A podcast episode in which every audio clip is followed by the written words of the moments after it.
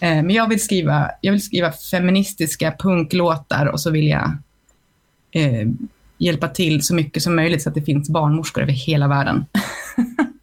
det är vad jag vill.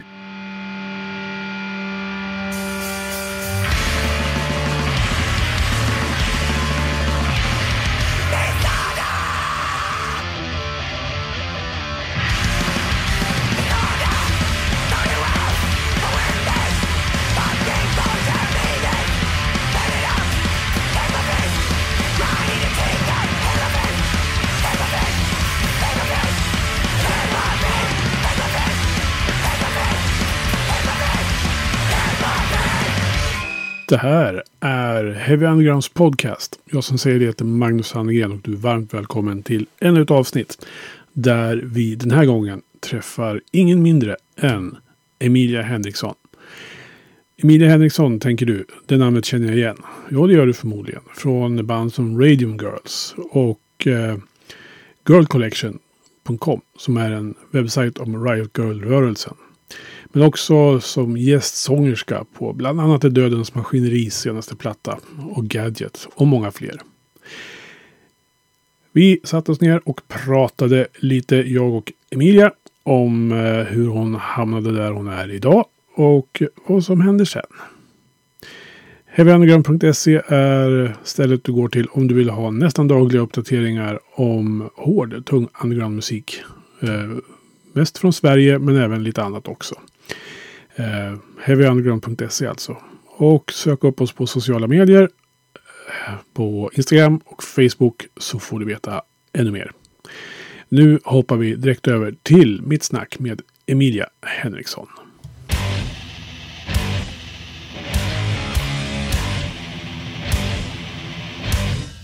Emilia Henriksson, välkommen till eh, Heavy Undergrounds podcast.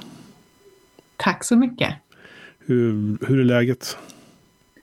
Läget är ganska bra. Eh, jag drog på mig en sväng corona förra veckan. Eh, och som varannan vecka förälder så var det inte bara jag utan också mina tre barn som fick corona. Eh, men mår ändå okej okay med en vaccinationsdos, tre, två doser i mig. Så att jag är ändå jag är på benen och glad för det. Ja, vad bra. Ja.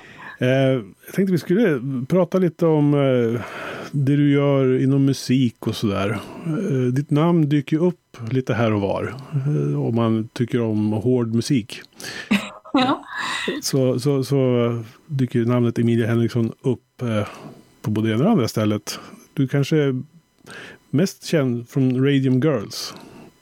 Ja, men Radium Girls är ju liksom, det var ju mitt band, man ska säga, eller inte bara mitt, men vi startade upp det tillsammans, jag och mina bandkamrater. Ehm, så det känns ju på sin plats att det är Radium Girls man tänker på när man tänker på mig.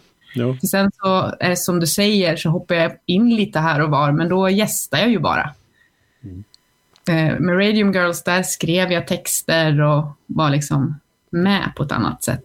Ja, vi ska komma tillbaka till det där om en liten stund tänkte jag. Mm. Eh, men jag tänkte börja den där, med den där klassiska första frågan, liksom hur musik överhuvudtaget. När, när blev du intresserad av det? Musik har nog alltid funnits väldigt närvarande i min familj. Eh, vi har varit eh, stora musikkonsumenter och jag hängde på ett ställe som heter Vallhalla i, i Falun. Där har jag liksom mer eller mindre vuxit upp, som är ett spelställe, Ungdomens hus, Vallhalla. Eh, där man kunde arrangera spelningar och så fanns det också så här rollspelsgrupper och teatergrupper och allt nörderi egentligen under ett och samma tak. Så att där har jag liksom spenderat min uppväxt. Mm. Eh, och eh, hittade väl in i rock rocken och i synnerhet politisk rock först och främst tror jag. Eh, och sen så småningom väldigt mycket Riot Girl. Jag, eh, jag är intresserad av politik och musik väldigt ofta har jag märkt. ja, det är lustigt att det där hänger ihop så ofta just med musik och politik. Ja, men det finns ju bra teman och intressanta saker att ta upp såklart. Ja, absolut. Men eh, ja, du nämnde, vad, vad lärde du dig där då på Valhalla? Alltså, vad var? Jag fick med mig jättemycket från Valhalla. Att arrangera spelningar och liksom styra projekt. Det är ju jättemånga av oss som hängde där som arbetar med olika kreativa eh, grejer idag. Eh, men liksom ja, men styra mm, festivaler eller spelningar eller fanzines eller eh, lära sig trycka grejer. Alla de här olika sakerna i DIY-kulturen fanns ju där. Mm. Så att eh, det har jag tagit med mig in i allt jag håller på med. Ja, för jag tänkte så du är ju, är ju den kreativa branschen sådär generellt. ja, men jag är ju en sån kreativ mångsysslare som många brukar säga kanske.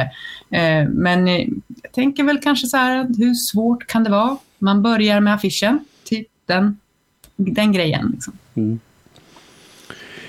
Men eh, vilka band och sådär kom du in på först i, när du upptäckte musik generellt? Vad var, liksom, mm. vad, vad var ingångsdrogen liksom? Um, ja du, jag lyssnade som sagt mycket på rock och även också en del skatepunk och liksom eh, punk och sådär. Eh, och sen så hittade jag ju Riot Girl-rörelsen och där blev jag liksom så här, fan här är jag hemma. Här finns det så mycket olika saker som jag tycker om. Eh, men jag spelade inte den typen av musik själv i början, utan eh, det blev lite som det blev bara. Jag hamnade i ett band som spelade akustisk pop med så här, eh, sättningen cello och piano och trumpet. Så det var liksom något helt annat än det som jag spelar idag. Men min energi och mitt hjärta är nog i punken och gärna så snabb punk som möjligt. Vad var det i punken som, som attraherade dig så då? Ja, men det är energin. Eh, det är den knutna näven, det är DIY-kultur. Ehm, och jag tror att jag bara, ju mer, ju snabbare det har varit, desto bättre. och så har det liksom bara eskalerat också sen. Eh, så att nu lyssnar jag nästan, jag lyssnar på jättemycket olika musik, men min go-to är nästan alltid att lyssna på punk och hardcore. Det är mitt bästa. Ja. Alltså, Riot Girl kan vi prata lite grann om. Mm. Alltså generellt, genren. Det är, det är lite en sån här subgenre inom punk och hardcore-kulturen kan man väl säga. Eller hur ska man beskriva ja, det? Jag skulle nog beskriva det som en punkrörelse mm. snarare än en genre. För att uh, Riot Girl-rörelsen har sett olika ut när det gäller just vilken typ av musik de här uh, som är delaktiga i scenen uh, spelar. Mm. Uh, och det är också fanzinkultur och samtalsgrupper och filmer och det är egentligen allt egentligen som finns i punkscenen också. Men avstampet har ju varit i punken. Mm. Så det, det, där kan vara lite förvirrande ibland faktiskt. Ja. men, men, jag ser det som en rörelse och en politisk rörelse. Mm. För jag menar, många förknippar väl Riot Girl mycket med band som Bikini Kill och sådär. Alltså, och då ja. blir det ju musiken man tänker på. Men jag har ju läst på om det också, så att jag vet ju att det är så mycket annat än ja, bara musiken. Ja, men det är det. Men Bikini Kill är ju ett av de liksom, grundbanden och, och även eh, Bratmobile och Babies in Toyland eller L7 brukar också nämnas, även om de själva kanske inte riktigt går ut med det så hårt. Nej. så är det ändå den eran och eh, folk kanske var kompisar med varandra. Kanske var Men eh, Riot Girl i Sverige då? Mm. Vart, vart, har det varit någon sån här riktig Riot Girl-boom i det här landet? Ja, alltså jag upplevde det som att eh, när Riot Girl-rörelsen egentligen tog av, så här, formulerades som Riot Girl, det var ju på 90-talet. Eh, och några år senare så kom det till Sverige. Eh, och där upplevde jag en levande och rik rörelse, men, men såklart förhållandevis liten i jämförelse med den amerikanska. Ehm, så på den tiden så fanns det ju i synnerhet fanzines, ehm, Such a Killer, som är ett fanzine som en kompis till mig gjorde till exempel, eller ehm, eh, Heart Attacking var ett band som fanns till exempel. Nu nämner jag bara några, men det fanns en, en Riot Card-rörelse. Jag hade ett fanzine som hette My Riot och sen så, så arrangerade jag också en festival som hade samma namn.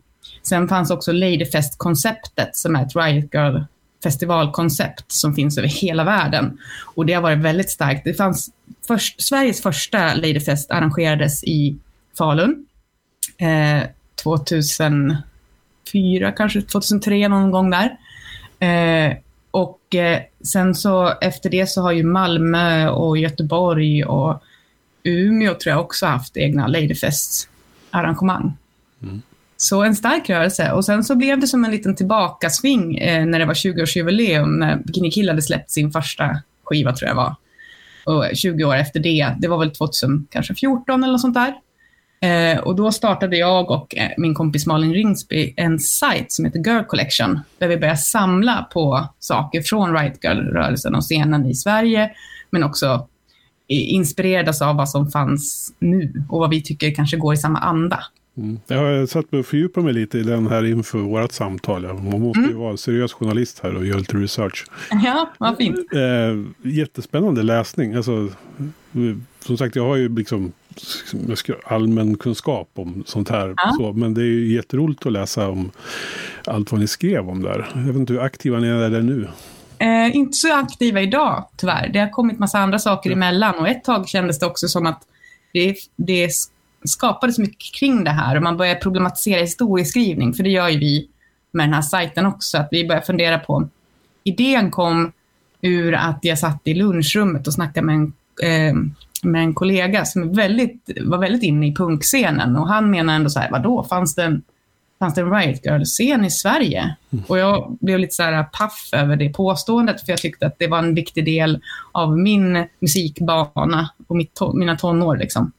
Eh, och, då, och då kom också snacket sen om att så här, men varför tror folk att det här inte finns? Jo, men det finns inte dokumenterat. Liksom, för att historieböckerna skriver inte om det här. Det kanske inte står på Wikipedia. Det är en stor överrepresentation av män på Wikipedia. Jag tror fortfarande gäller, men i synnerhet då.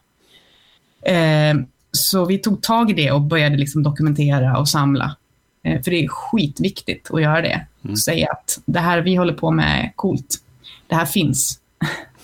Ja, precis. Eh, just den här fanzine-delen fascinerar mig ju väldigt. Och jag förstår att det fascinerar dig också ganska mm. mycket. Eftersom du dels har gjort det själv. Och sen har ni ju rätt mycket skrivet om det på sajten också. Ja, eh. precis. Vi satte ihop ett litet arkiv där man kunde så här, bidra med sina gamla fanzines och så. Ja. Det blev inte jätteomfattande, men det, det finns potential fortfarande. Man vet. Nej, precis. Nej, jag har ju roat mig med de senaste åren och köpa lite fanzine från eh, diverse håll. Mm. Det görs ju trots allt fanzines fortfarande, även i den här digitala åldern vi lever i. Liksom. Ja, Vilket och det är, är så helt himla roligt. Ja. Eh, vi höll lite sådana fanzine-workshops eh, eh, med, med Girl Collection också i samband med att vi åkte runt på Popkollo, som är musikläger för, för kids. Då. Mm. Då gjorde vi fanzines. Alltså det här analoga är ju alltid spännande och kul. Ja. Och att man kommer så himla långt med att säga, ja, men du kanske har en kopiator eller en gammal tidning som du kan klippa sönder och göra om till något annat. Ja, det är kul att göra någonting med händerna också. Alltså, ja, verkligen. Inte bara sitta så här och klicka som vi gör nu. ja, nej men precis. Det talar i och för sig emot eftersom att jag gör mycket digitala fanzines också. Eh, jag har ett sånt projekt, ett nytt sånt projekt på gång som kanske blir eh, Girl Collection 2.0. Mm. Vi får se. Eh, det heter häxblandning. Oh. Och kommer finnas på häxblandning.se. Eh, och det kommer också vara som ett fanzine med massa liksom, musik och, och säkert mycket punk. och, och sen också så här, ja, men gör det själv-grejer. Eh, sniglar, svampar, pipkragar, eh, knutna nävar. En, mass, en salig blandning helt enkelt. Ja ser vi fram emot. Får hålla koll på den då. Ja, förhoppningsvis blir det i februari. Ja. Eh, jag tänkte på ditt musicerande. Är det du sång som har varit det du har gjort? Eller det vokala? Eh, ja, det är det. I mitt första band så, så skrev jag ju också. Eh, och sen eh, komponerade lite sådär. Eh, spelade piano gjorde jag också. Men det är sång som jag kör nu. Ja, när, när upptäckte du att du kunde skrika så där bra? Eh, men jag, jag har alltid haft ett väldigt starkt eh, eh självförtroende rörande mitt magstöd. så, och det kanske var från att... Eh, jag kommer ihåg en gång faktiskt, så min pappa har jobbat väldigt mycket med Svenska Afghanistankommittén. Så jag var med honom och samlade in pengar. och så fick jag väldigt bra feedback på att jag hade så bra magstöd. det var viktigt för barnen i Afghanistan. Nej, men, eh, men sen så eh, är kompis med Kristoffer Jan som spelar i Livet som insats med ett grindband från eh, Falun. Mm. Och så har jag väl varit på honom ganska mycket och bara så här, men du, jag vill faktiskt, jag vill vara med. Jag vill skrika. Nu gör vi det här. Så då fick jag gästa en låt på Livet som insats. Och det var första gången som jag körde den grejen. Det gick ju bra. Magkänslan och magstödet, de samarbetade. Ja, ja eh, vilket för oss in på Radium Girls. Då. Vi var inne på det lite snabbt i mm. början. Eh, eh, men berätta lite om det bandet, lite mer historien bakom det och så. Ja, Radium Girls består av mig eh, och sen är det eh, Todd Simon som spelar trummor i Livet som insats. Eh, och sen är det Kristoffer Öster som också spelar i Dödsrit och så eh, Andreas Bustad som eh, spelar i lite andra band, bland annat PP7 Gaftseb och eh, Bianca Inkasso som jag också är med i. så det, ja, men det är ett litet gäng från Dalarna. Eh, jag fick frågan av Tord Simon om jag kunde tänka mig vara med och skrika. Och då hade de redan repat ihop några låtar. Så då gick jag dit och sen så eh, gick det, det gick fasen skitbra i repan. Det liksom bara rullade på. Och låtarna skrevs nästan själv. Jag hade lite texter redan från början. Eh, och inte superlångt därefter så spelade vi in en EP. Mm. Som heter Pro Choice. Ja. Vad är, vad är det för sorts musik ni vill göra? Um, ja, det, vi kommer ju från lite olika håll, så det är, en, det är lite blandat. Det är väldigt mycket eh, eh, käng. Eh, det är också en del eh, liksom grindpartier. Eh, vi har också liksom lite så här eh, en melodiös metal också i oss på något sätt. Men eh, folk brukar beskriva det som någon slags power violence eller så här kängpunk eller grind. Det är det vanligaste. Det är en blandning skulle jag säga. Ja. Eh, det var några år sedan ni släppte någonting nytt nu. Ja, alltså vi spelar ju inte längre, vi är inte ja. aktiva längre, ja, okay. ja. tyvärr. Eh, utan vi har spelat in två stycken eh, EPs. Eh, och sen så, så ja, vi fick inte ihop det riktigt. Det var lite mycket i livet. Så vi fick lov att ta och säga eh, hej då och avsluta det hela. Eh, men min förhoppning är ju, sen så kom ju corona efter det här, men min förhoppning är ju att göra något liknande, för jag vill verkligen sp spela den här typen av musik och jag vill skriva låtar och sådär. Så vi får se vad det blir nu när, man, när världen öppnar sig igen. Ja, vi slänger väl ut en liten brasklapp här då. Ja, men exakt. Är det någon som vill spela jävligt snabbt så kan ni väl höra av er. Ja. Apropå det, eh, du hördes ju på det senaste släppet med Gadget. Ja, det var skitroligt. Ja. De spela mycket med. Ja, det antyddes ju lite när jag intervjuade Rickard att liksom, Ja. Han vill ju gärna ha med dig i fortsättningen. ja, men det var, det var svinkul. Alltså, jag åkte dit en dag, så hade jag skrivit en text också till dem. Eh, så liksom repa in den lite på vägen och sen smällde av den i studion och sen åkte jag därifrån. Sen så släpptes den eh, ett tag efter. De är långsamt snabba, Gadget alltså. ja. Men de är superfina, så att eh, ja, vi får ju se. Men det vore jättekul att göra någonting mer med dem. Mm. Eh, tänkte på Falun och Dalarna generellt.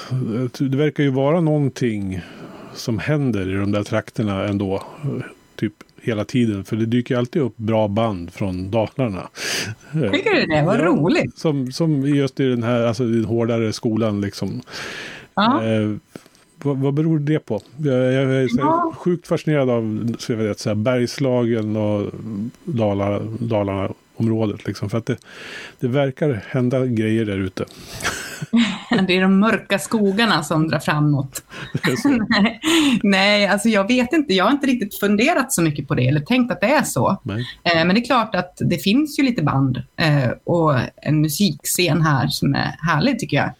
Eh, men jag tycker fortfarande att jag håller på att upptäcka den sen jag flyttade tillbaka hit. Men det har varit ett... Det, fan var det en bra stämning. alla jag träffar är så himla fina.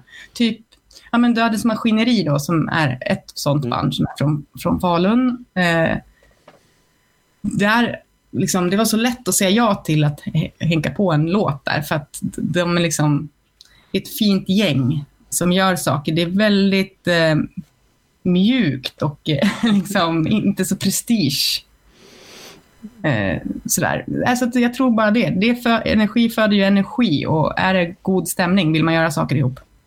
Ja, det måste ju vara så. va? Ja, verkligen. Det är en förutsättning tycker jag. Ja. Om, vi, om vi zoomar in lite då på, jag är ju alltid lite intresserad av geografin så där, där de musiker jag pratar med kommer ifrån. Ja. Alltså Falun, du är uppväxt där. Och, men vad är, vad är Falun för sorts musikstad idag? Mm. Eller har varit? Ja, alltså jag är ju så himla... Jag är extrovert, introvert. Jag är väldigt mycket hemma och det är väl också att det är corona såklart. Men, men det gäller också annars att pula med mina projekt.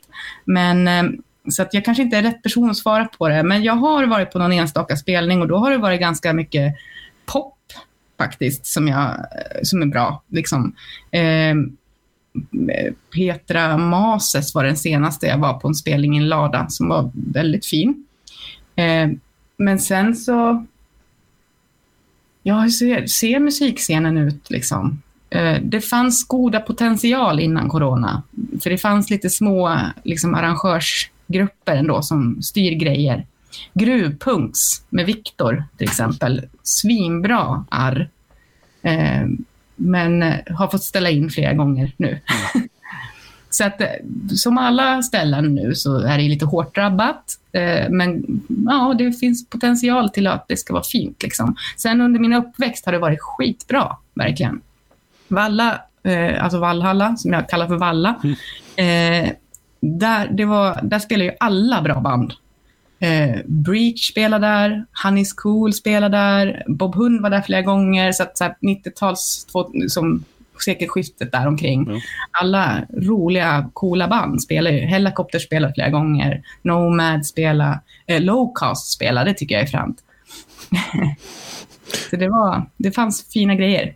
Ja, det låter som att det var en bra tid. Det var verkligen en bra tid. Mm. Men det gäller att det finns en plats att vara på, där vuxna inte håller på och förstör. Nej, det kan vara så va? Mm. Det är också min erfarenhet att eh, det, det, finns det en scen som drivs av eh, ideella krafter så att säga. Snarare än att kommunen ska ta något ansvar och sådär. För då kan det oftast bli ganska hattigt. Men Exakt. Det får inte bli för styrt. Liksom. nej, Men sen har det inte varit så långt att åka till Sandviken heller, så det har ju jag gjort också och gått på punkspelningar. precis. Men eh, vad, du har ju nämnt lite av det du har på gång. Men vad, vad vill du göra mer då? Jag vill framför allt vill verkligen spela snabbpunk. Jag kan inte vara tydlig nog. det är det projektet jag behöver nu. Det glömde jag. Åh, det sa jag inte nu. Åh, ja, men jag spelar ju med PP7 Gatseb och Bianca Inkasso. Och vi, vi skickar ju faktiskt in... Eh, vi har ju färdig, vi skickar in en EP nu till eh, skivbolaget. Mm. Alltså det är ett roligt projekt, PP7 Gatseb, för det är ett band som har, eller det är en person som har eh, spelat sedan 92 och med säkert så här 100 mer olika musiker som har hoppat in och ut. Liksom har släppt, släppt en split med Gigi Allen, Mm. eh, bland annat. Och sen så nu så har han satt ihop, han sätter ihop olika nya band. Och ibland är det så grind, ibland är det punk, ibland är det ja, något annat. Liksom. Och nu är det då PP7 Gatseb och eh, Bia- Bianca Inkasso. Bland annat Tord Simon då från, från Radium Girls och Andreas Bustad från Radium Girls är med. Mm. Sen har jag ju tusen miljarder olika projekt som inte är kopplade till musiken. Men jag, eh, min dröm och det jag verkligen vill göra, förutom att spela snabbpunk, det är att fortsätta jobba med mitt barnmorskegäng som jag brukar jobba med. Eh, och det är ett tema som dyker upp på Pro Choice-skivan till exempel. Eh, för jag är ett stort fan av barnmorskor och har jobbat i, i Somalia och i Bangladesh med utbildning för barnmorskor. Okay. Men det står ju still nu eftersom att världen är helt stängd. Ja. Eh, Men jag vill skriva, jag vill skriva feministiska punklåtar och så vill jag eh, hjälpa till så mycket som möjligt så att det finns barnmorskor över hela världen. Det är vad jag vill. Det tycker jag låter som en fantastisk, eh, ett fantastisk drivkraft. ja, men det är feministisk kamp, alltså verkligen mm. praktiskt. Mm. Det är så jädra coolt. Mm. Ja, absolut en jätteviktig liksom, fråga det här med alltså, att man ska kunna föda barn säkert. Och, liksom. Ja, men föda barn säkert, men också rätten till din egen, kropp, ja. abort och eh, sexuella och reproduktiva rättigheter. Alltså mm. att ja. älska vem du vill. Ja, ja, precis. Det är verkligen kärnan i samhället. Ja, utan kärlek så är, händer ju inget. Nej, precis. Så är det ju. Ja, men eh, Emilia, tack så jättemycket. Det var kul att ha dig med här i podden. Ja, men tack själv. Det var väldigt roligt att få vara med. Ja. Ha det bra då. Ja, du med. Hej då. Hej då. Och det sa Emilia Henriksson. Eh, och jag får tacka så mycket för en trevlig pratstund med dig, Emilia. Eh, du har lyssnat på Heavy Undergrounds podcast. Och eh, gå in på heavyunderground.se om du vill veta mer om vad vi gör. Tills nästa gång vi hörs, ha det bra och vi avslutar väl med lite Radium Girls tycker jag. Så vi får höra lite snabb, aggressiv hardcore punk. Ha det gott, ta hand om er.